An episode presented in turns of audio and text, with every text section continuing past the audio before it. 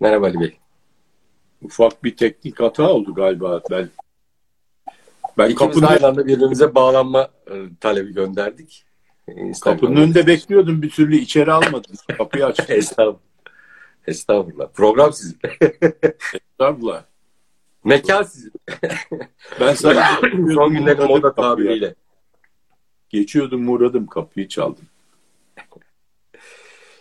Ee, nasılsınız iyi misiniz? Daha iyi günlerimiz oldu diyelim. Yani. Evet, Türk lirası %7'nin üzerine devalü oldu bugün. Yani değer kaybetti. Moraller bozuk. Borsada da ciddi anlamda düşüş oldu bugün. Hatta bir ara e, işlem durduruldu. Akşam 17 sularına kadar hemen hemen yaklaşık. Sonra tekrar açıldı. E, bir allak bullak bir durum var piyasalarda. E, tabii bunun e, Sayın Cumhurbaşkanı'nın e, hafta sonu yaptığı açıklamanın etkili olduğu düşünülüyor bütün yorumcular tarafından. Ben oradan gireceğim konuya izin verirseniz. Tabii. Nereden istersen girelim. Her tarafı açık konunun yani. Fakat nereden girersen gir hep aynı yere çıkacağız biliyorsun yani. Değil mi? Hepsi faize çıkıyor. Maalesef. O işte yani, yani bizi günaha doğru yönlendiren faiz günah değil mi? Biz yani nereden girersek girelim bu günahın ortasına isabet edeceğiz yani. Onun için şey yapıyorum yani korkuyorum. Neredeyse 80. program galiba bu. Yani 80. program evet. Ve e, bugüne kadar hep siyasetten kaçtık. Yani siyaset konuşmamak için imtina ettik sizinle birlikte ama artık siyaseti de konuşmaya başlayacağız sanki. Çünkü ekonomide alınan kararlar siyaseten alınan kararlar olmaya başladı ve dolayısıyla da e, artık o konulara da girecekmişiz gibi düşünüyorum. E, geçtiğimiz hafta e, bu ekonomi modelini vesaire konuşmuştuk. Hatta şeyi de bulamamıştık. Yani model ne olduğunu öğrenmeye, anlamaya çalışmıştık sizinle. E, bu konuda iş dünyasında ciddi eleştirileri olmuştu. İşte Sayın Hisarcıklıoğlu'nun, işte e, Sayın Erdal Bahçıvan'ın, yani TOP Başkanı'nın, İSO Başkanı'nın e, yayınladığı tweetler var. E, onlar e, endişelerini dile getirmişlerdi. TÜSİAD da endişelerini dile getirdi. E, ve bilimden uzaklaşılmaması gerektiğini söyledi alınan kararlarda. Yani uluslararası genel kabul görmüş modellerin dışına çıkarılmaması gerektiği ekonomi yönetimin yönünde e, e, bir talebi olmuştu TÜSİAD'ın. Hafta sonu Sayın Cumhurbaşkanı İlim Yayma Cemiyeti'nin ödül töreninde sert bir konuşma yaptı TÜSİAD'a. Yani siz işinize bakın, istihdam üretin, e, büyümeye odaklanın, e, e, biz sizin cinsinizi, cibiliyetinizi biliyoruz şeklinde sert bir şekilde tonda e, açıklamaları olmuştu. Ve e, pazartesi günü uyandık. E, dolar da rüştünü ispat etti. Şu an 18 lira. Ne diyorsunuz bu açıklamaya? Sayın Cumhurbaşkanı'nın önce boysuna, e, ilk başta, taleplerine. İlk bu başta hafta şey sonu bir de e, ilk başta bir şey söyledin sen. Dedin ki siyaset, ekonomi falan bir şeyler söyledin yani. Siyasete girmiyorduk falan filan dedin Girmemeye de. imtina ediyorduk. Yani siyasi konuları... E, Girmekten int, imtina ediyorduk. Çünkü e, siyaset amaçlı bir program. Bir o zaman açardık. Gündem siyasi gündemi tartışırdık değil mi? Aynen. Ama biz biz sadece burada ekonomik e, safi ekonomik konulara e, giriyoruz girmek için yaptık bu programı. Bir de jeopolitik yani sınırların evet. dışarısındaki jeopolitik dünya ekonomiyi etkileyebilecek jeopolitik konuları. Belki bölgesel jeopolitik çünkü onların e, önünde sonunda mutlaka ekonomiyi ana etkileyen etken olduğunu tarihsel bir gerçeklik olarak gördük. Her seferinde yani Türkiye'de olan bütün ekonomik olayların e, bir e, e, tarihsel bir bağ ile e, jeopolitik olaylarla korelasyonu olduğunu, çok sıkı bir korelasyonu olduğunu gördük. Ve yalnız bu Türkiye için geçerli değil. Bu Afganistan için de geçerli, Irak için de geçerli, e, bir e, Suriye için geçerli, Libya için geçerli, e, efendim Nikaragua için geçerli, Kolombiya için geçerli, Venezuela için geçerli, Rusya için geçerli, Çin için geçerli. Yani yani geçerli olmayan bir e, yani ekonomik bir e, sonucu olmayan bir jeopolitik hareket yok. Yani bizim gördüğümüz yok. Evet. Yani böyle şey hani nefretle hani biz sizi hiç sevmiyoruz diyerek hani e, savaş açan varsa bilmem kimdi yani. E, Hitler'in bile İkinci Dünya Savaşı'ndaki hadisesi sadece e, bir e, yani gerçi tabi jenosit olduğuna şüphe yok. O jenosit olması yani o ırktan insanlara karşı yapılmış bir zulüm söz konusu ama onun sebepleri içerisinde de ekonomik sebepler var yani arkasına bakarsan neticede. Sadece nefret üzerine kurulmuş bir şey değil. Onun da bir ekonomik rasyoneli var. Neyse yani neticede bizim programımız aslında yurt içindeki ekonomik ve dünyadaki ekonomik gelişmeleri değerlendirmek ve bunların korelasyonlarını kurmak falan filan ya ve mümkün mertebe bu e, televizyonda gündem maddesi olanların arkasındaki background'u biraz e, e, çözmeye, onun bazı e, şifrelerini çözmeye çalışmak. Bir de bunu basit bir e, lisanı halle, basit bir lisanla yani herkesin anlayacağı bir dinde, dilde kullanmak. Bunun içinde yani İngilizce terimler de kullanabiliriz ama eğer o terminoloji içerisinde illaki gerekiyorsa kullanıyoruz. Çünkü çoğu hakikaten çoğu kavramın e, İngilizcesi var, Türkçesi yok. Veyahut da öyle bir Türkçe koymuşlar ki o kavramı anlatamıyorsunuz yani mutlaka onu kendi teknik dilinde söylemek gerekiyor. Doğru. Şimdi tekrar 80. E, programı yapıyoruz madem böyle bir çerçevesini yeniden katılan çok arkadaşımız var. Çünkü bunu artıştan görüyoruz yani şu anda 6500'lere falan vardığı için yani ilk başta başladığımızda 400'lerle falan başladık. 6500'e yeni gelenler olduğu için yani konseptin çerçevesini bir anlatalım program konseptinin diye bunları söylemekte yarar görüyorum bu vesileyle. Şimdi biz burada politikaya evet girmiyoruz. Günlük polit günlük iç politikaya kesinlikle girmiyoruz. Duk. Fakat iş öyle bir duruma geldi ki artık biz politikaya e, girmiyoruz diye bu sefer ekonomiye giremeyecek duruma geldik. Yani politikaya girmeyeceksen hiç ekonomiden konuşma o politika. Ya öyle bir durum olmaması lazım. İşte bu da zaten Türkiye'de işlerin yanlış gittiğini, yanlış yapıldığını gösteren bir gösterge. Ekonomi mümkün mertebe politikadan bağımsız e, tartışılabilir bir meta olması lazım. E, bir defa her şeyden önce ki tartışılabilsin. Evet. Neden tartışılsın ekonomi? Yani niçin tartışalım kardeşim? Bir ekonomi yönetimi var, yönetiyor gidiyor. Hayır, ekonomi yönetilmez. Ekonomi yani tek elden bir şey söyleyerek yapılmaz. Yani mesela sen işte enflasyona düş enflasyon diye enflasyonu düşürebilir misin? Onun için bir sürü takla atman lazım. Faizle oynayacaksın, zorunlu karşılıklarla oynayacaksın, e, para arzıyla oynayacaksın falan filan.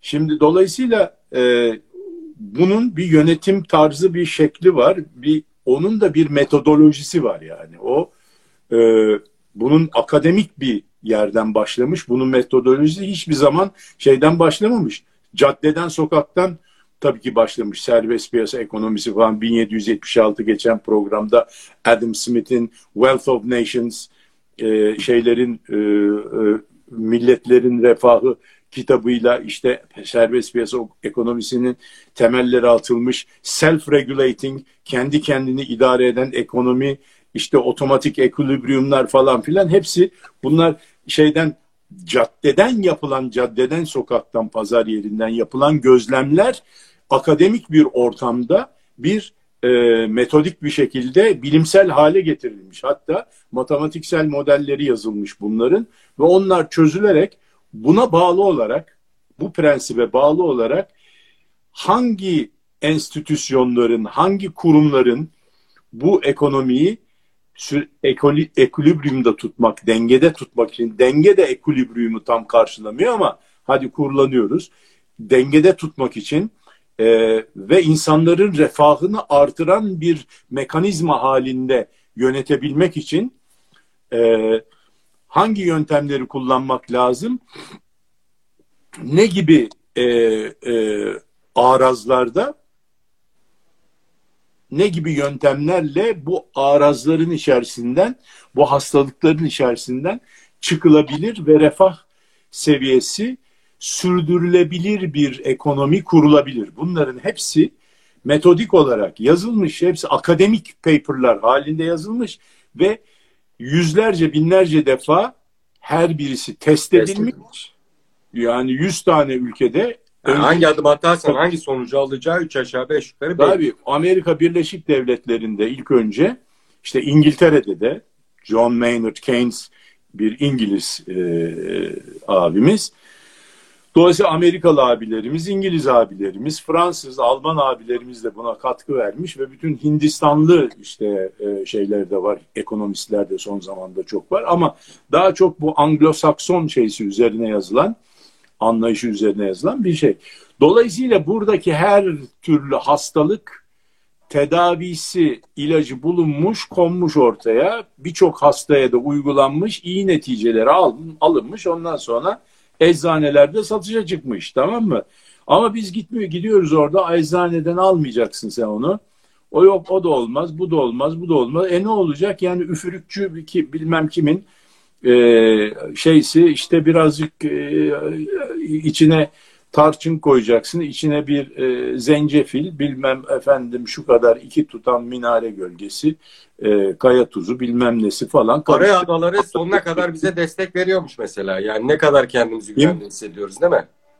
Kim destek veriyormuş? Paraya adaları var yani adlı şeyde. Ya şimdi bilmiyorum paraya adalarını da neticede yani böyle Cumhurbaşkanı öyle bir açıklama yaptı geçen Bilimsel gün. olarak ben kendimi acayip güvende hissettim yani. Denenmiş faz 1, faz 2 ve faz 3 deneyleri yapılmış bir ilaç varken e, ve netice alınmış ilaçlar varken kalkıp da üfürükçünün şeysine gidilmez. Hele bu da böyle şey değil yani kanser gibi bir ilaç değil. Hani dersin ki ya bütün artık şeyin e, bilimsel tıbbın bütün e, e, çözümleri denenmiş olmamış da artık yani mecburuz bu deneysel ilaçları deneyelim. Böyle bir şey yok.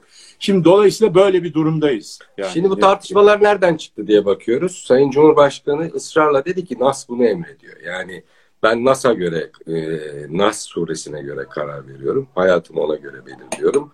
Dolayısıyla da faizle sonuna kadar mücadele edeceğim. E, ve e, faizler düşecek. Büyümeye odaklanacağız. Bu Türk tipi bir model. E, işte önce bir Çin modelinden yola çıktık. Akabinde Türk tipi model olduğuna karar verdik. Bunun Türk tipi model olduğunu nereden anladık? Sayın Nebati'nin e, Habertürk gazetesine verdiği röportajdan anladık. Bir de e, ne denmişti? İşte dış mihraklar diye konuşuluyordu. E, daha sonra yine Nebati'nin açıklamalarına dış mihrak olmadı. İçeriden bir takım spekülatif ataklar olduğunu öğrenmiş olduk. Vesaire vesaire. Bunun sonucunda da çıktı iş dünyasının e, değerli liderleri dedi ki ya kendinize gelin ya. Yani işler kötü gidiyor yani iyi gitmiyor. Yani bunun tedbirini alın diye uyardı. Kim uyardı? Sayın Hisarcıklıoğlu uyardı. İşte Sayın Erdal Bahçıvan uyardı. Sayın TÜSİAD Başkanı uyardı. E, hatta e, Anadolu grubunun e, patronu Sayın Özilhan da e, ki e, TÜSİAD'ın Yüksek İstişare Kurulu üyesi başkanı sıfatıyla da e, bu ikazları yaptı. Akabinde de Sayın Cumhurbaşkanı işte hafta sonu e, dedi ki siz dedi işinize bakın. Sizin cinsinizi, cibiliyetinizi biz biliyoruz. O söyledi. Yani ben burada şey ben şey de üzüldüm. Yani e, bu cins cibiliyet vesaire çok hoş soruyu değil. Sor. Soru. Evet. Soru şu. Soru şu. E, madem bu model çok da ısrar ediliyor. Yani bize de güvenin, arkamızda durun. İşte bu Kurtuluş Savaşı vesaire deniyor. E, modeli geçen hafta didikledik, didikledik. E, nedir bu model? Bazı paperlar yayınlandı. Sayın Nebati'nin imzasıyla da e, bir A4'lük bir model model olduğu söylenen şey yayınlandı. Siz ne buldunuz bu açıklanan şeyde? Bir model var mı burada? Yani şimdi önceki e, o model olarak düşündük düşünülen şeyi de onu da izah edeyim. Ama e, her şeyden önce şu şeyin bir defa e, siyasete girilmeme, siyasetle ekonominin arasındaki ilişki e, bir defa tabii ki mutlaka bir ilişki var aralarında ama e, öncelikle siyasetin ekonomiye karışmasını önlemek için bu abilerimiz işte Adam Smith'ten başlayarak John Maynard Keynes, Hayek, ondan sonra işte e, Milton Friedman daha sonra ve bir sürü yüzlerce e, Schumpeter var bir, bir sürü ekonomist he, hepsi değişik konularda ama birisi mikro almış, birisi makroya almış, birisi para politikası, birisi fiskal politika tarafından işe bakmış. E, dolayısıyla her türlü analizi yaptıktan sonra ve bunları evet. zaman şey yapıp hakikaten şeye koyup uygulamaya koyup bunların neticelerini zaman serileri olarak ekonometrik modeller haline getirdikten sonra bakmışlar ki bu da faz 3 demektir. Bu ilacın faz 3 deneyi var ya önce hayvanlara üzerinde yapılıyor ikinci de, deneyleri birincisi işte in vitro yapılıyor e, yani laboratuvar şartlarında sonra hayvan sonra insan üzerinde deneniyor ya bu insan üzerinde denenmiş kısmı faz 3 deneyi artık böyle e, e, şey olarak uygulamaya konulmuş ve ekonomik modeller haline, ekonometrik modeller haline getirilmiş e, şekilde bunların ispatları alınmış, ampirik değerleri dediğimiz değerler. Bunlar yani bunlar da ortaya çıktıktan sonra artık işe şüpheyle bakmak, efendim o dış güçlerin bizi sömürmek için yaratmış oldukları model değildir falan filan. Birkaç saat önce Sayın Devlet Bahçeli'nin bununla hayır, şimdi şeyin, var. Hayır, ha, e, e, bir dakika onu, o, evet onu ben de duydum e, Devlet Bahçeli'nin açıklamasında. Şimdi şurada e, yani John Maynard Keynes'in veya Milton Friedman'ın bir e, Cumhurbaşkanı, Amerikan Cumhurbaşkanı veya CIA Başkanı tarafından talimat almak suretiyle ey bu üçüncü dünya ülkelerini nasıl sömürürüz, bize sömürü üzerine kurulmuş bir model yaz e, demesi ve o modeli de kendi ülkesinde de e, uygulaması evet. falan filan düşünülemez. Bunlar yani bu konularda binlerce makaleler yazılıyor. Binlerce akıllı adam bunları şey yapıyor. Yani buradaki tartışan insanlar değil kusura bakmayın yani bu sokakta tartışılıyor. Yani e, bakkalda tartışılsın ekonomi her yerde ta tartışılsın da bir e, bir e, para politikası modelini tartışmak için belli bir bilgiye sahip olmak lazım değil mi? Yani veyahut da tartışılacaksa, tartışmaya açılacaksa o modelin e, başı sonu birbirine denk olan, uygun olan bir e, model halinde yazılmış olması lazım. Yani büyük kompleks bir ekonomik fikrin iktisadi bir gerçek hayat durumunu tasvir, temsil ve izah eden mekanizmalarının bütünü olarak konulması lazım ortaya ki e, bunları tartışmaya e, etkin olan kimseler de tartışabilsin değil mi? Bir defa böyle bir model yok kardeşim. Yani ortada. Yok. yok. Hani şöyle bir model var. Şöyle bir model var. Ya model dedikleri şu daha doğrusu. Yani çünkü model bir sürü e, hesabı, kitabı, e, ampirik e, bileşenleri belli. E, yani ampirik değerleri alınmış, ekonometrik model yapılmış bilmem ne bilmem ne bir sürü şeysi var, altyapısı var. Bunun öyle bir altyapısı yok ama şuradan çıkılmış. Deniliyor ki bir çıkış noktası diyor ki Türkiye'deki bütün kötülüklerin anası cari açıktır. Tamam. Dolayısıyla bu cari açıktan tez zamanda kurtulmak lazımdır. Ana amaç budur. Diğer bütün amaçların, bütün araçların ve amaçların hepsi ikinci derecede, üçüncü derecededir diyor. İki, diyor ki yani dolayısıyla bu cari açığı mutlaka sıfır, sıfırlanması lazımdır diyor. Bunun için de diyor ne olacak? Cari açığı sıfırlamak için ihracatı atlat, arttıracaksın, patlatacaksın. İthalatı da düşüreceksin. Aradaki fark sıfıra gelecek. Hatta cari fazla vereceksin ki dövize talep olmasın. Çünkü dövize olan talep bütün bunları e, me meydana getiriyor bütün bu şeyleri diyor. Bir yere kadar doğru tabii evet Türkiye cari açık bir ülkesi. Türkiye cari fazla veren bir ülke durumuna gelmesi e, tabii ki istenen bir şey ve ana e, sorunlarımızdan bir tanesi kabul. Bunu diyor ne yapacağız diyor, nasıl yapacağız diyor. Bunun için ihracatı artırıp ithalatı mı diyor e, kısmamız lazım. Çok kolay diyor ya. Kuru diyor yükseltirsin. Tamam mı? Dolayısıyla ihracattan daha fazla para gelir. Yani çünkü herkes ihracat buraya vereceğine mal ne üretiyorsa ihraç etmeye çalışır ve yapar. Para kazanmak yok mu sonunda? Bunun ihracat patlar. İthalat da diyor pahalı hale gelir. Alım seviyesi de bir şeyin altında kalır. Enflasyonla o da düşer alım seviyesi. Dolayısıyla doğru düz araba alamaz adamlar. Dolayısıyla talep de düşer.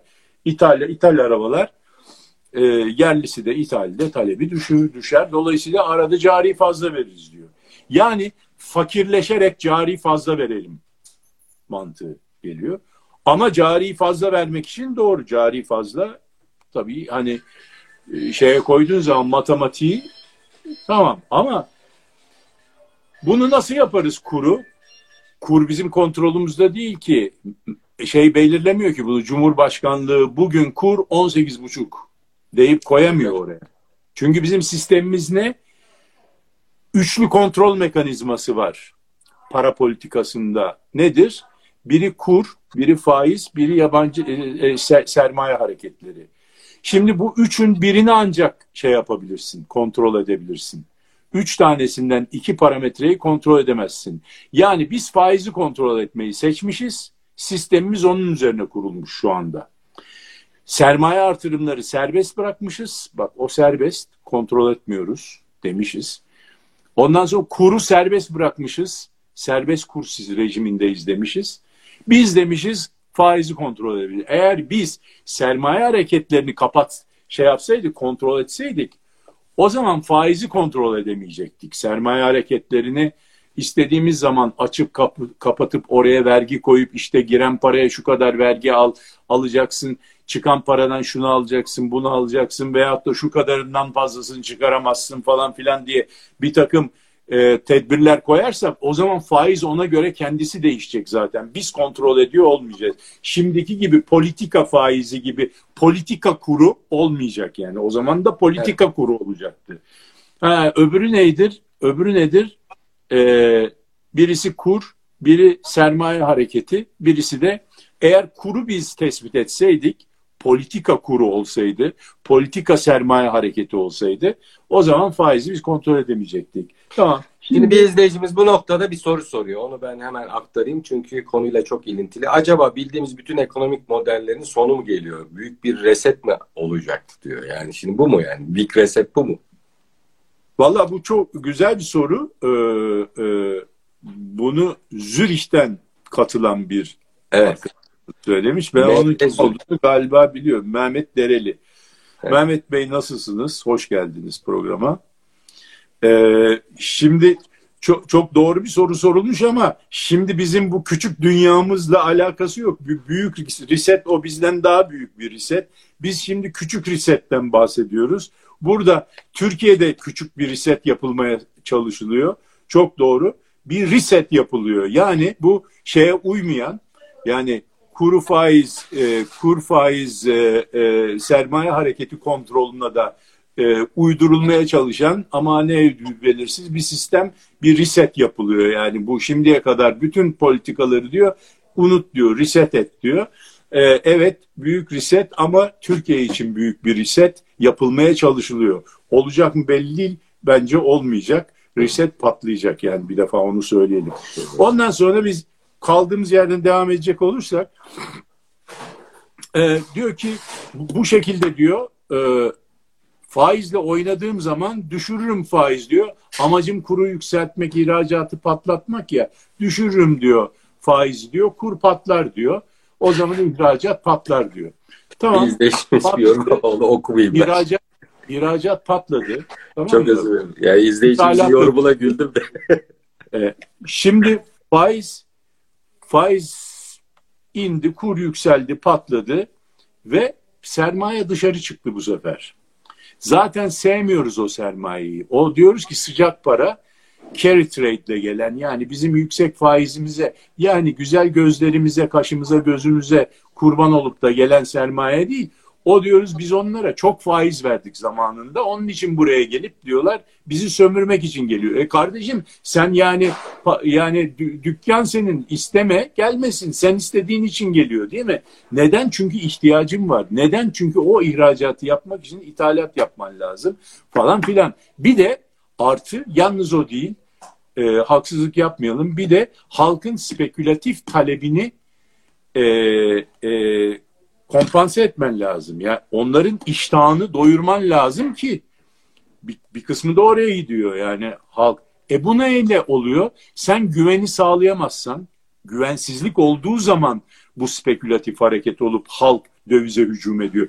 Aslında bıraksan Türkiye'nin dövize falan ihtiyacı yok. Yani normal piyasalardan, halkın mevduatlarından ve onların sağlamış olduğu döviz rezervlerinden Merkez Bankası bugün ticaret gayet güzel ihracatı da destekleyecek şekilde döner. Ama sen güven ortamını ortadan kaldırdığın zaman veyahut da güveni azaldığı zaman halkın bu sefer halk ihtiyacı olmaksızın yani adam e, dolarla Mercedes almayacaksa bile dolarla bir e, şey yapmayacaksa bile sadece parasını garanti etmek Onu için. Onu soracaktım ben de. Neden madem iç, iç piyasada bu kadar dolara talep var diye soracaktım. İşte tamam o yani Türkiye'nin sanayisinin ihtiyacı olduğu için değil.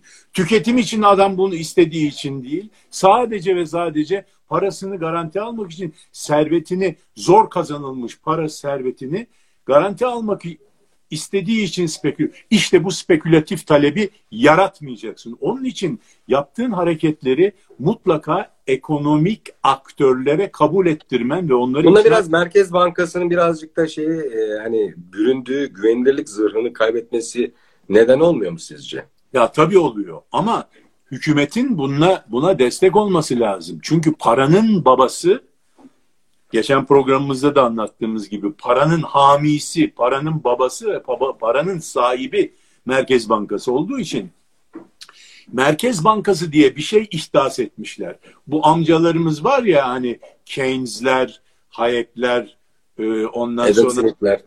Friedman'lar falan filan ve diğerleri hepsi bunların çalışmış, çabalamışlar. Demişler ki bu ekonomi nasıl kontrol altında tutulur, yönetilebilir halde olur. E, içerisinde, içerisinde olunan hastalıkları bünye nasıl antikor sağlar demişler. İşte bu antikorları sağlayan T hücreleri diyelim bunlar ekonominin içerisindeki kurumlar. Hangi kurumlar? Bağımsız kurumlar. Bizde var mı onlardan? Bir sürü var. Anayasal kurumlar var bağımsız olarak. Bir tanesi Merkez Bankası. Bizim geçen seneki programlarımızdan bir tanesi İki tanesi hatta sırf bu işe ayrılmıştı. Evet. Bağımsız kurumlar diye. Ee, BDDK, Bankalar Denetleme Düzenleme Kurulu, EPDK, Enerji Piyasası Denetleme Düzenleme Rütük. Kurulu, Rütük, e, işte Medyayı Düzenleme Kurumu, ondan sonra bunun gibi Sigortaları Düzenleme Kurumu var. SPK. SPK var, Sermaye Piyasasını Denetleme Düzenleme Kurumu. Dolayısıyla bunun gibi kurumları kurmuşlar. Bunları Türkler ihdas etmedi. Bak şimdi Türk modelini sen Anglo-Sakson sistemi içerisinde Türk modeli uygulamaya çalışıyorsun. Yemezler, yürümez. Çünkü neden yürümez? Çünkü o modelle uyumlu olarak bu e, kurumların ihdası yapılmış.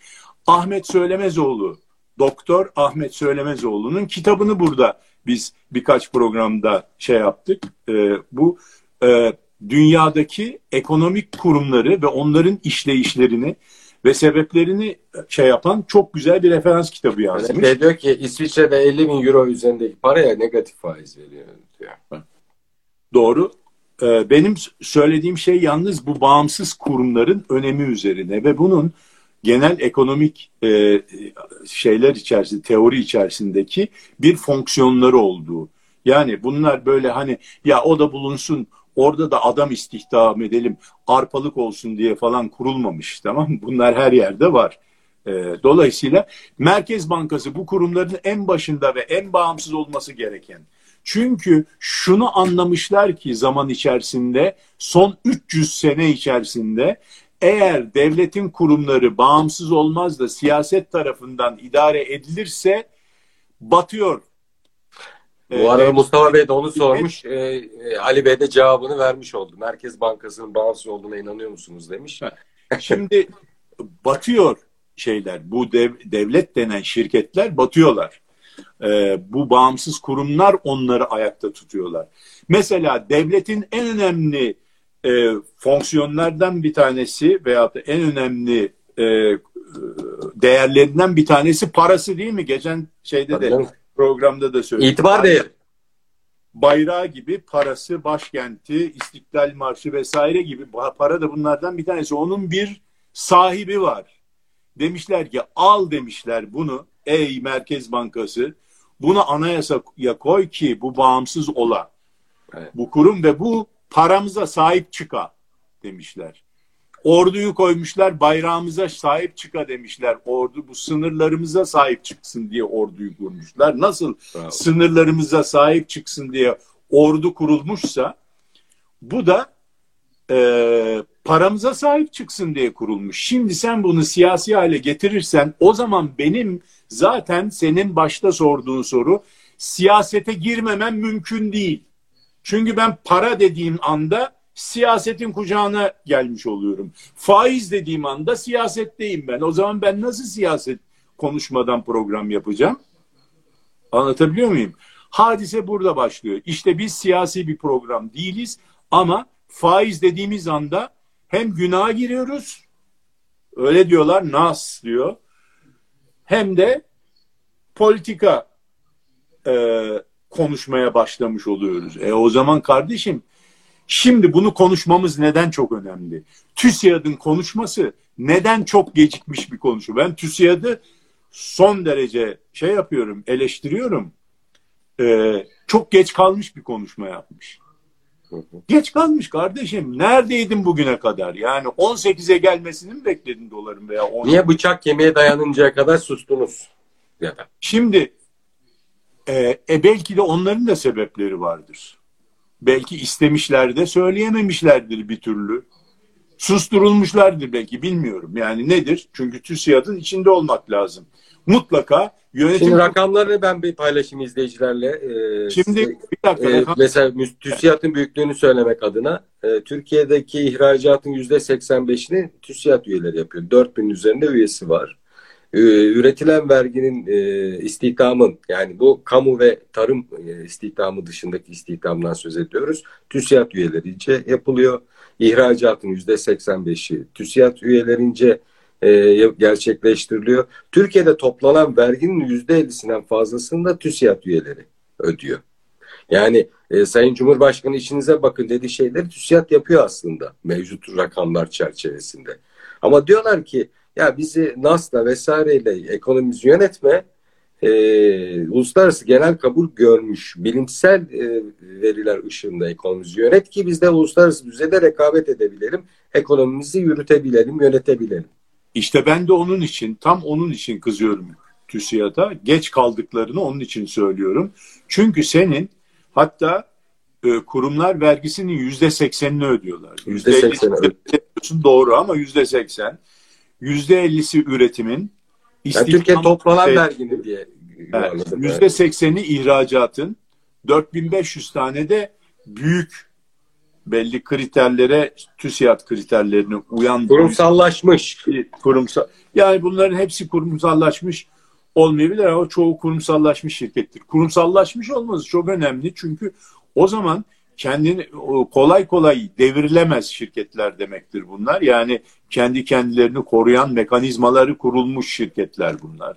Her tarafa ağını sa salmış yani kolay kolay bunlarla uğraşamazsın. Şimdi netice itibariyle şöyle bir e, durum çıkıyor. Sen bütün bunları yapabiliyorsan yüzde seksen ihracatın yüzde seksenini, istihdamın yüzde ellisini, üretimin yüzde ellisini ve o siyaset denen sistemin harcadığı paranın yüzde seksenini yani harcadığı paranın değil de bütçenin yüzde seksen değil de onun büyük bir bölümü olan gayri safi aslında bir kısmını olan yani aslında büyük bölümü onun KDV'dir. KDV'den evet. finanse ediliyor Türkiye bütçesi daha çok ama kurumlar vergisinin yüzde seksenini de sen veriyorsan o zaman sen arkanda bu kadar büyük bir e, e, konuşma gücü varken senin konuşmaman zaten hata. Yani niye konuşmadın kardeşim? Ben diyorum ki ya kardeşim yarın duvara çarptıktan sonra sana deseler ki duvara çarpanlar sana dese ki ya kardeşim madem hata yapıyorduk biz bizi niye uyarmadın? Sen ne diyeceksin? Bilmiyorum ben hani çok çekindim de hani acaba çok kızar mısınız? dedim mi diyeceksin yani yüzün gözün yara bere içerisinde yerde yatıyorsun kan revan içerisinde acaba söylese e, gal, galiba söylesem daha iyi olacakmış mı diyeceksin yani dolayısıyla bunları çok daha net bir şekilde söylemek lazım bu siyaset açısından da çok önemli bir şey. Çünkü bugün ekonomi yönetimi ne demektir? Ekonomi yönetimi faiz düşürdüm bilmem neyi çıkardım. Onlar öyle olsun. Bunlara şu parayı verin. Bunlar bunlara şu parayı. Asgari ücret olsun. Asgari ücret şu kadar oldu kardeşim. Siz de bunlara bunu ödeyeceksiniz. Siz de otur oturduğunuz yerde buradaki parayı alacaksınız. Memnun olun bu şekilde olmaz ki. Olmuyor yani. Eskidendi bunlar çok yani e, şey zamanındaydı, Osmanlı zamanındaydı yani veyahut da şey e, Wilhelm II zamanındaydı Almanya'da yani. Anlatabiliyor muyum? Bunlar geçti. Şimdi ekonomik bir programın başarıya ulaşması için bir defa sağının solunun birbirine denk olması lazım, bir model olması lazım, denenmiş olması lazım, ampirik olarak ve analitik olarak e, test edilmiş olması lazım.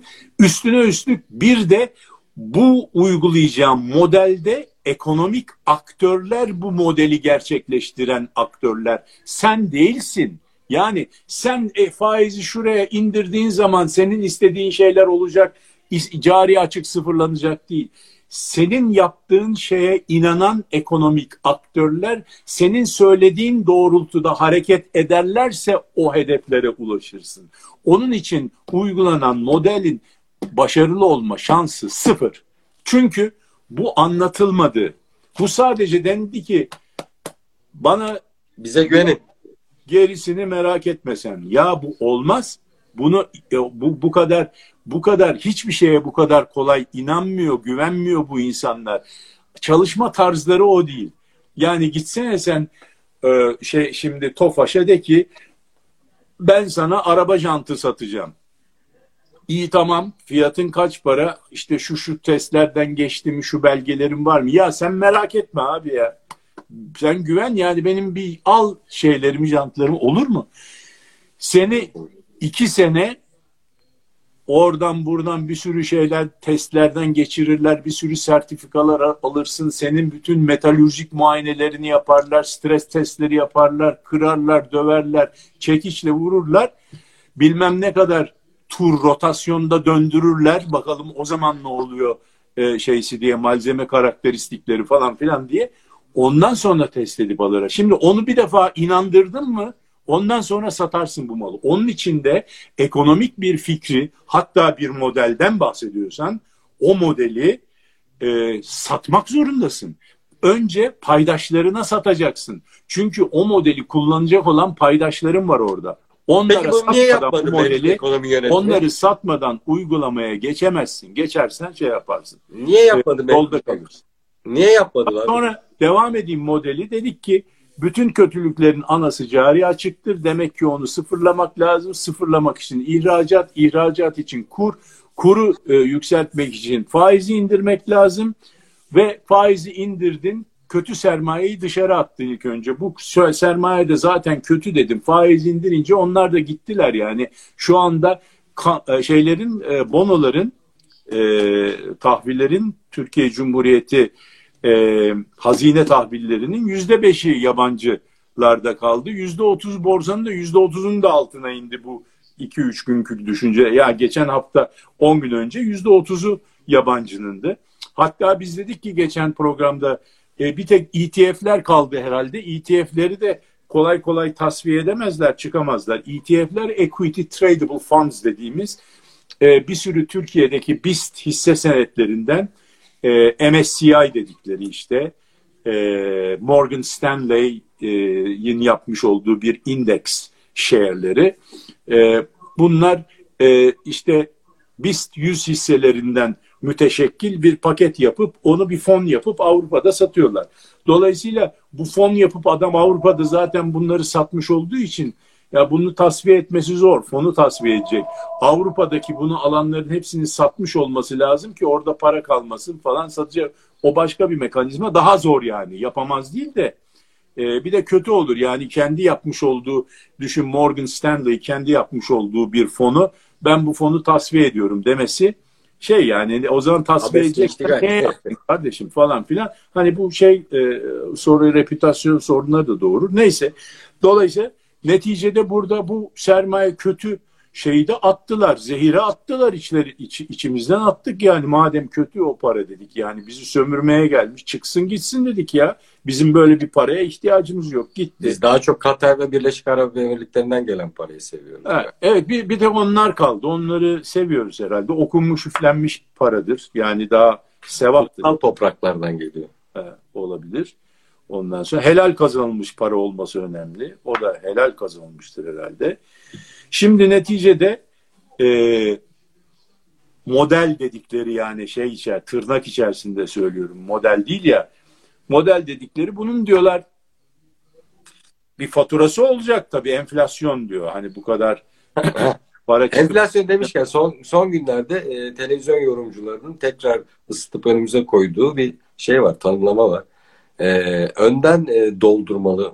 Ya bırak o şimdi oraya girme. Yüklemeli. Pardon. Önden yüklemeli Önden enflasyon. yüklemeli doldurmalı oralara girme. Onlar böyle şey e, neyse orada söylenecek çok şey var da. Yani neyse. izleyicilerimiz açısından şöyle bir hatırlatma yapayım. Avrupa e, Nisan Mayıs'ta başlayacak enflasyonla tanışmaya. E, biz ön, önden yüklemeyi yapıyoruz. O dönemde biz enflasyon da bakımda rahatlayacakmışız. E, para Ya e, neyse boş ver oralara girmeyelim. Şimdi e, bu enflasyon modeli anlatıyorum ben çünkü. Yani bu modeli e, herkesin anlaması çok önemli. Anlamadığı zaman yürümez. Bak ben anlatırsam da anlarsa herkes model yürüyecek. Ona göre o kadar önemli bir şey konuşuyoruz. Hayati bir konu yani. Hayati bir konu oluyor. Şimdi bunun diyor ama bunun farkındalar ki bunun faturası olacak. Yani böyle tık tık tık diye hemen cari açığı sıfırlayacaksın. Faiz düşürdün, kur yükseldi, kötü sermaye dışarı çıktı, oh rahatladık. Biz artık sömüremeyecekler, cari açıkta sıfır oldu. Olmuyor.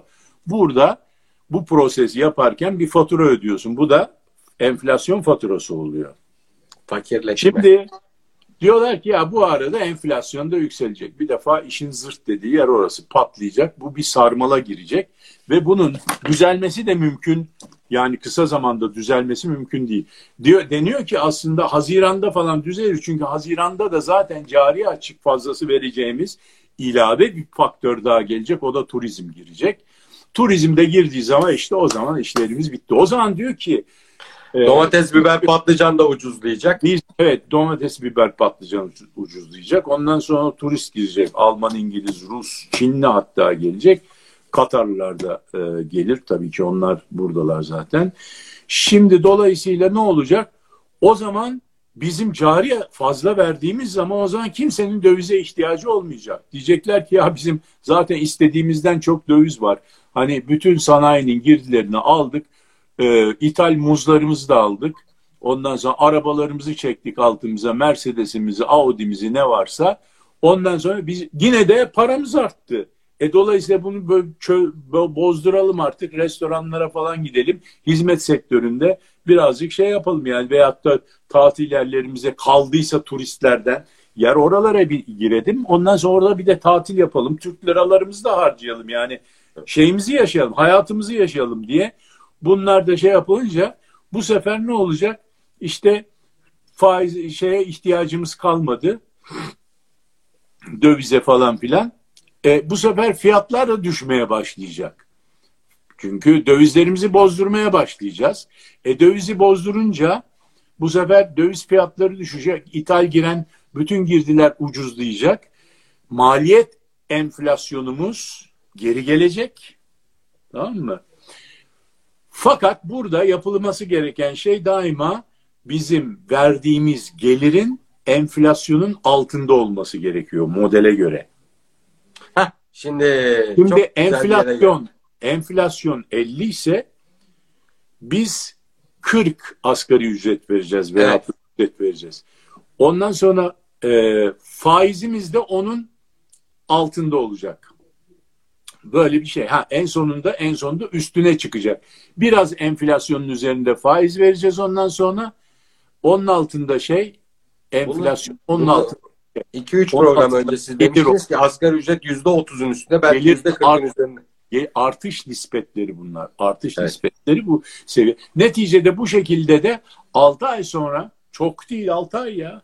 6 ay sabredersen enflasyon enflasyonun düştüğü 6 ayda yani 21 buçuk dedikleri aslında 46 falan olan zaten asgari ücrete 21 buçuk olsa asgari ücrete e, yüzde 50 zam yaparlar mı?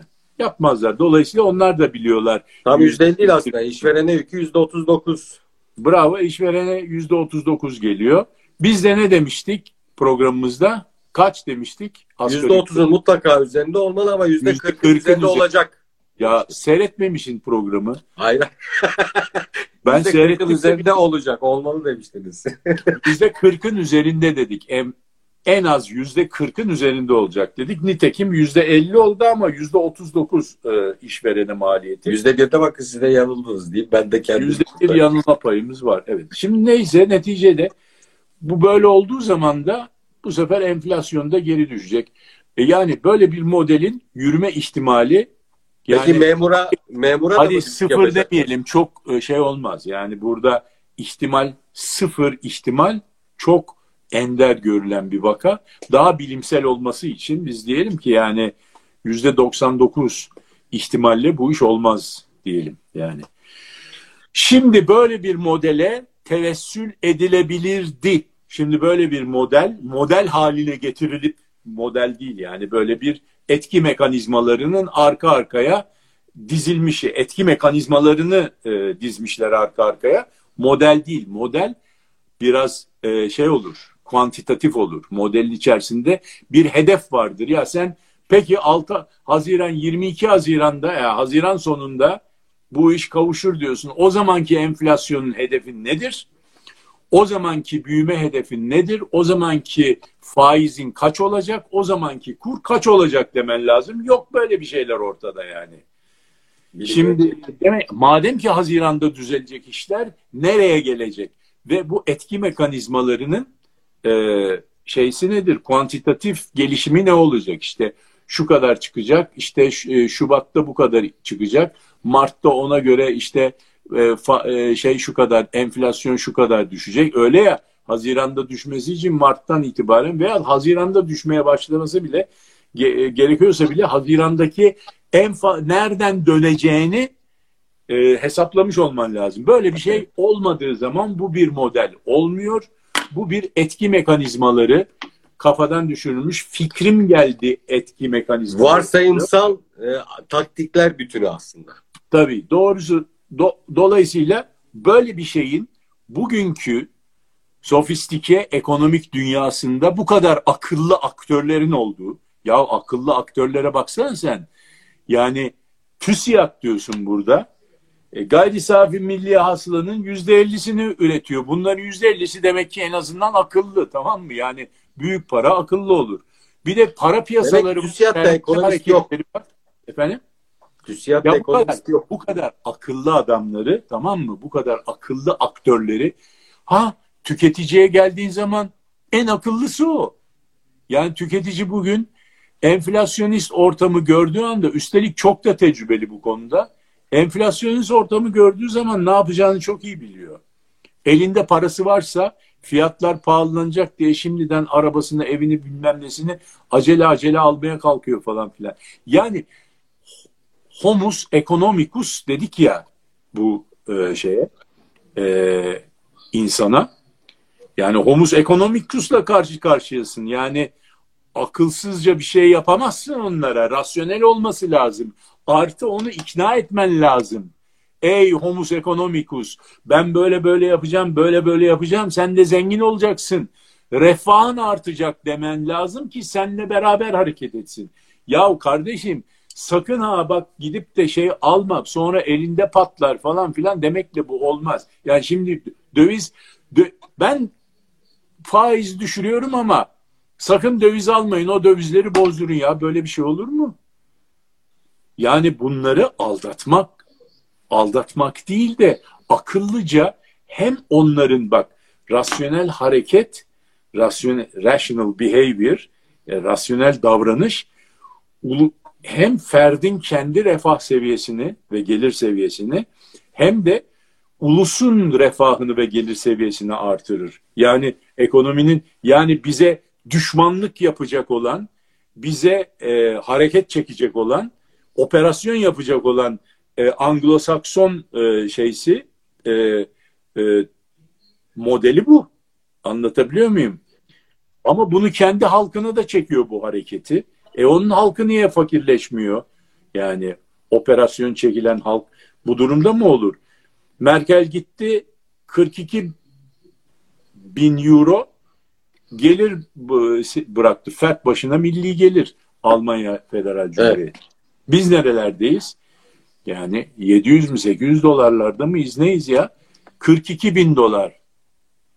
Yani bizim şey pardon 7 bin 8 bin dolar yanlış e, şey yapıyor. Düzeltmiyorsun beni ya. E, Valla rakamlara siz daha Peki, çok hakimsiniz. Yani şey 8 yani demek ki 5 kere 5 kere daha zengin, müreffeh bizim yani. Haluk Bey'in yorumunu okuyordum o sırada. Ee, uçağa binip de 2 saatte gittiğimiz yer tamam mı?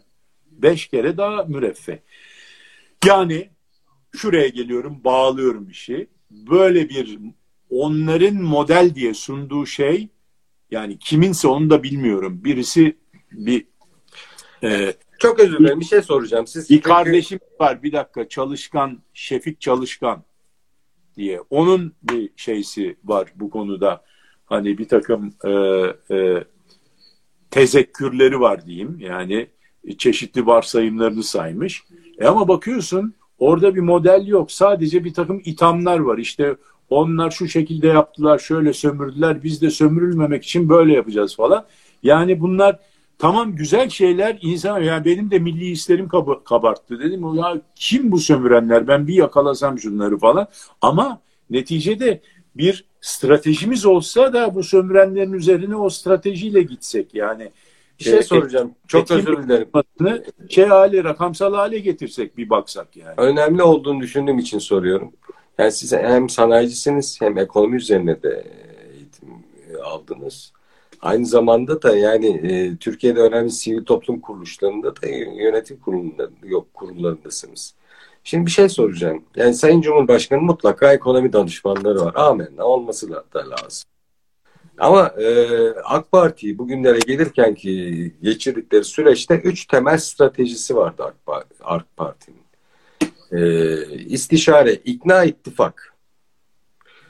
E, istişare kültüründen sanki uzaklaşmış gibi mevcut iktidar. Yani sadece o 3-4 tane, 5 tane, 20 tane bilmiyorum sayılarını danışmanlarının. Onların onlarla istişare ederek bir Sayın Cumhurbaşkanı veya ekonomi yönetimi bu kararları alıyor. Niye diğer paydaşları da böyle bir toplamıyor bir masanın etrafında? Onlarla da niye istişare etmiyor? Sizce? Ya işte ya da etmeli mi? Çok güzel soru. O istişare, ikna, ittifak çok önemli. Zaten benim söylediğim şey dikkat edersen o. Ekonomi yönetimi artık emirle yapılan bir yönetim olmaktan, emir ve talimatla yapılan bir yönetim olmaktan çıkmış durumda. Yani bu senelerdir çıktı yani 40-50 senedir. Belki Bretton Woods'dan beri, Bretton Woods'un yıkıldığından beri yani evet. 72'lerden beri bu böyle artık yani. Oyunun kuralları değişti. Ee, istişare, ikna ve ittifak. Yani bunu AK Parti e, yaratmadı bu üçlüyü. Bu da denenmiş bir model. Anlatabiliyor muyum? Ama bu denenmiş, e, ispat edilmiş bir model. Yani istişare edeceksin ama burada kimle istişare edeceksin? Ya modelin aktörleri kimlerse onlarla istişare edeceksin. Bravo. Yani kim? Bunlardan bir tanesi kesinlikle TÜSİAD. Yani bu adamlar bu işin bu kadar senin e, vergini, bu kadar üretimini, bu kadar istihdamını kim sağlıyorsa önce ona soracaksın. Bak, Ondan sonra sendikalar mesela. Sonra sendikalar soracaksın. Ondan sonra esnaf, tüket, esnaf dernekleri, tüketici dernekleriyle falan da konuşacaksın. Böyle bir şey düşünüyoruz ne dersin böyle olursa falan filan diyeceksin. Daha önceden tartışmaya açacaksın falan filan. Neyse. Yani bunların bu şekilde başarıya ulaşabileceği, bunun dışında başarılayamayacağı yani 88 defa yapılmış ve başarıya ulaşılmamış, 1088 defa da yapılmış ve başarıya ulaşılmış. Peki e, son olarak şunu sormak istiyorum. Aslında... Ya şu anda ben diyorum ki şu anda bu model konusunda fikirlerini açık ve net bir şekilde bu sadece şu değil. Ya destekliyoruz. Yani müsiyat öyle diyor mesela. Destekliyoruz arkasındayız. Ya kardeşim neyi Niye destekliyorsun? Onu bana açıkla da biz de öyle. Peki ben şu şöyle olacağına böyle böyle olacağına işte faiz düşünce bu olacağına kur yükselince evet dedikleri doğrudur. Biz hatta hesapladık.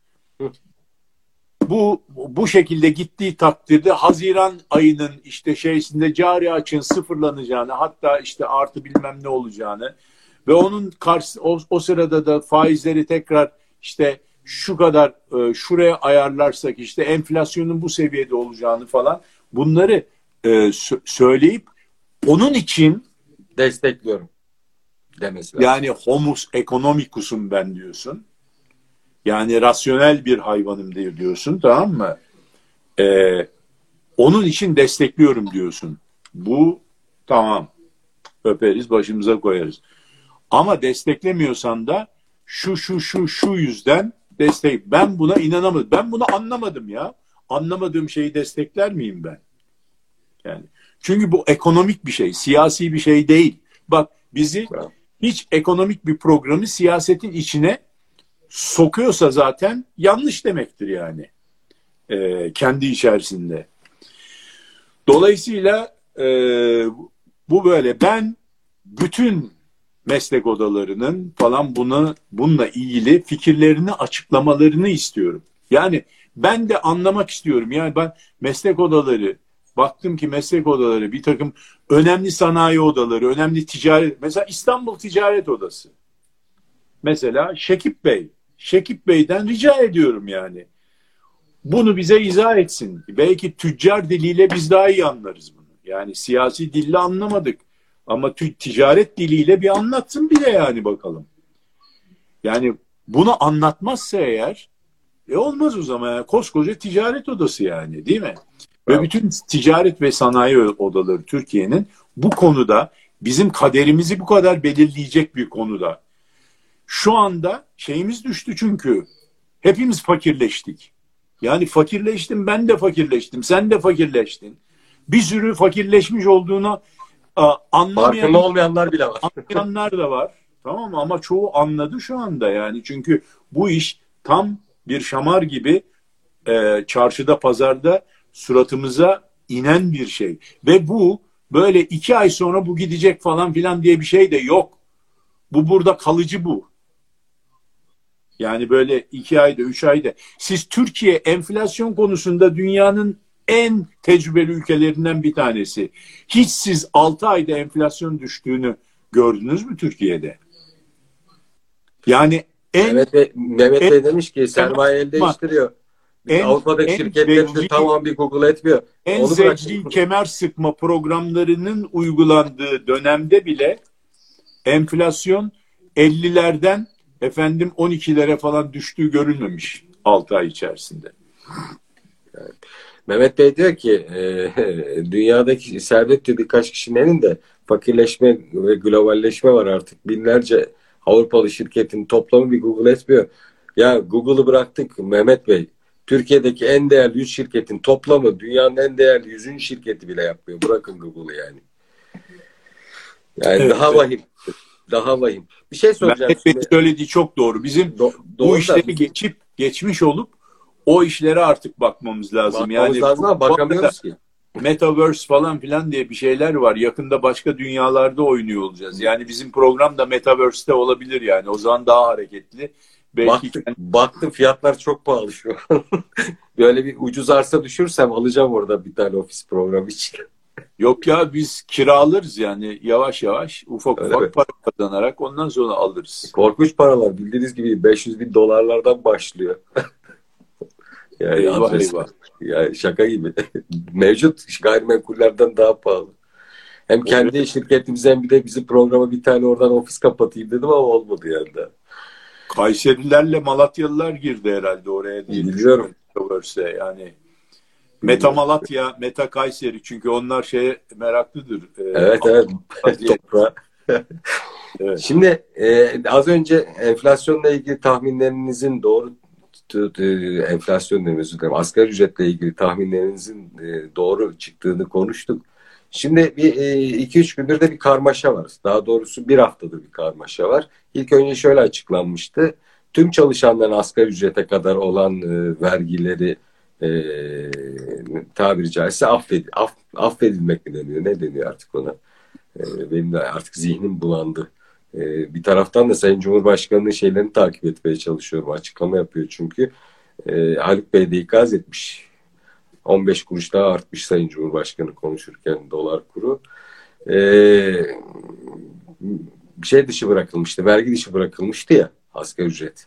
E, bütün çalışanların da asgari ücrete kadar olan kısmı da vergi dışı bırakılmıştır diye bir açıklama yapıldı. Sonra bir gördük ki e, diğer çalışanlar için bu geçerli değilmiş. Böyle bir karmaşa var ve bununla ilgili de e, yeniden kanun yapılması konusunda tartışmalar var. Bunu nasıl buluyorsunuz? Ya şimdi şöyle asgari ücretin e, asgari ücretteki verginin muaf olması tamam. 550 lira. Ama asgari ücretin üzerindeki maaşlarda da asgari ücret kadar bölümünden verginin muaf olması lazım. Asgari ücretin üzerinde kalan kısımdan ancak vergi alınması lazım. Aksi takdirde hesap tutmaz. Yani aksi, ta- aksi takdirde asgari ücretin 1 lira üzerinde maaş alan birisi ne olacak? Aslında asgari ücretin altına mı düşecek yani? Yani Aynen. böyle bir şey e, asgari ücretin e, altına düşecek yani şey. Yani şöyle e, Neti. dö- 4253 lira şu an asgari ücret ki agi kaldırıldı artık. Kaç çocuk olursa olsun ya da evli ya da bekar olması fark etmiyor. Agi yok artık asgari ücrette. E, kanun çıkartılan kanun onu gösteriyor. E, 4254 lira maaş alıyorsanız artık vergiye e, tabisiniz.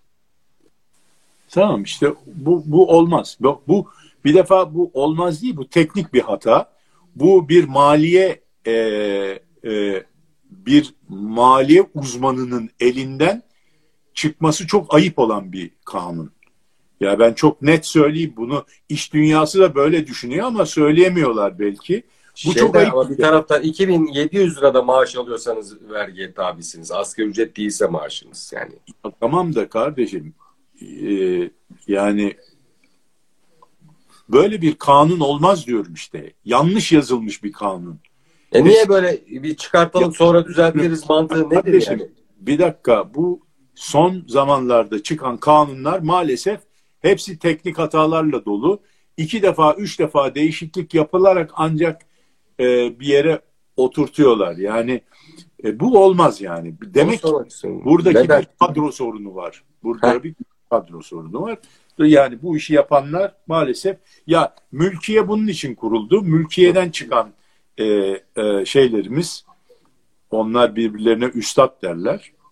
Biz de üstad diyelim. Çünkü mutlaka iyi bir okul ve özellikle maliye bölümü, mülkiyenin maliye bölümü çok esaslı bir e, yerdir. Girmesi de zordur. E, oradan mezun olanlar bu devlet kamu idaresinde özellikle kamu maliyesinde, kamu hukukunda e, çok dirayetli ve becerikli insanlar olarak çıkarlar. Onların elinden, gözünden böyle hatalar çıkmaz. Ama bir kanun da bir gecede çıkmaz. Anlatabiliyor muyum? Kararname falan filan. Böyle şeyler olmazdı. Cemal Eskiden- Ayla demiş ki "Tö- torba yasa olunca böyle oluyor. Gece yarısı uykulu uykulu kaldır indir e, şeklinde e, kanun teklifleriyle ancak bu kadar olur diyor.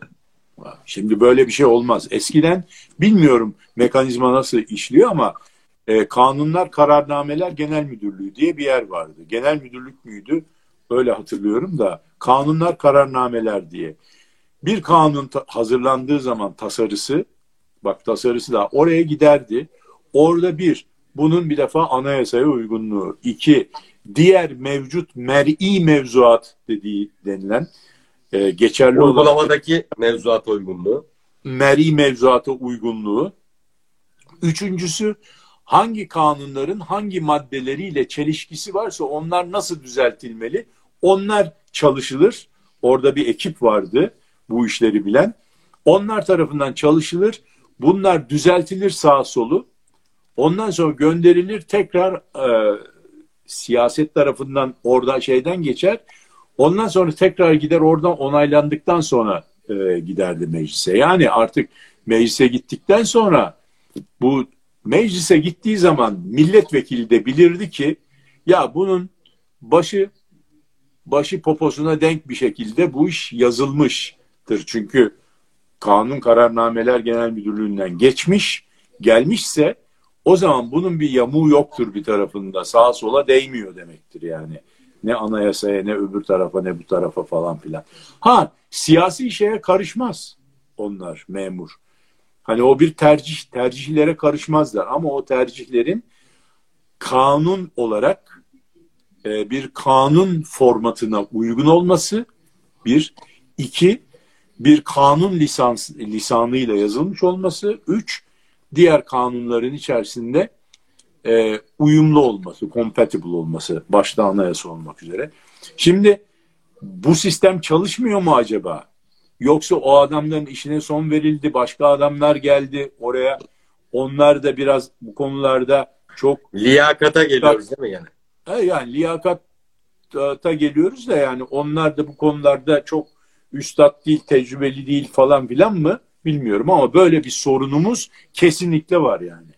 E Cemal Bu bak bundan, gibi. mesela mesela Ticaret Bakanlığı onu hiç unutmuyor iş dünyası. Ticaret Bakanlığı çek takasını durdurdu korona e, tedbirleri sırasında. Bir gece dedik dediler ki ya bu e, çekler falan ödenmiyor. İcralar durdurulsun diye başladı.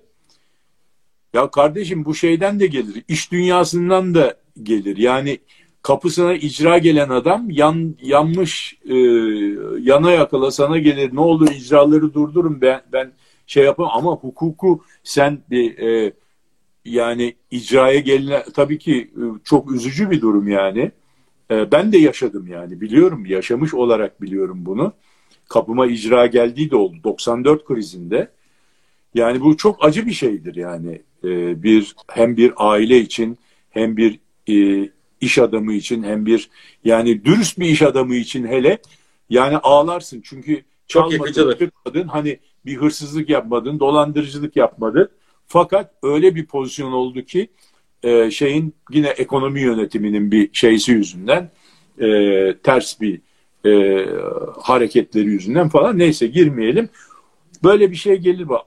Bu yana yakılaga aman icraları durdurun tamam icralar durdurula. E, hatta çeklerde ödenmeye dediğin anda çek takasını durdurun diye yazdılar kardeşim. Ertesi gün Türkiye'nin ekonomisi hakikaten felç oldu. Onun neticesinde kaç tane firmanın batacağı, hatta arkasından kaç tane bankanın batacağı düşünülmeksizin bunu yazan bir ekibin hakikaten sorgulanması lazım. Ya bu ekip burada doğru mu acaba diye. Anlatabiliyor muyum? Yani mesela örnek diye veriyorum onu. Bence bu da bir bence örnek. bu ekonomi yönetimindeki danışman ekibinde kadronun da birazcık sorgulanması lazım. Bu benim kişisel kanaatim. Tamam da hayır danışmanla alakası değil ki. Yetkili olan adam yazıyor onu götürüyor. Hayır, siz kanun için söyleriz de ben Sayın Cumhurbaşkanı'nı yönlendiren... Anladım da danışman onun saatine bakıp ona saati söyler yani.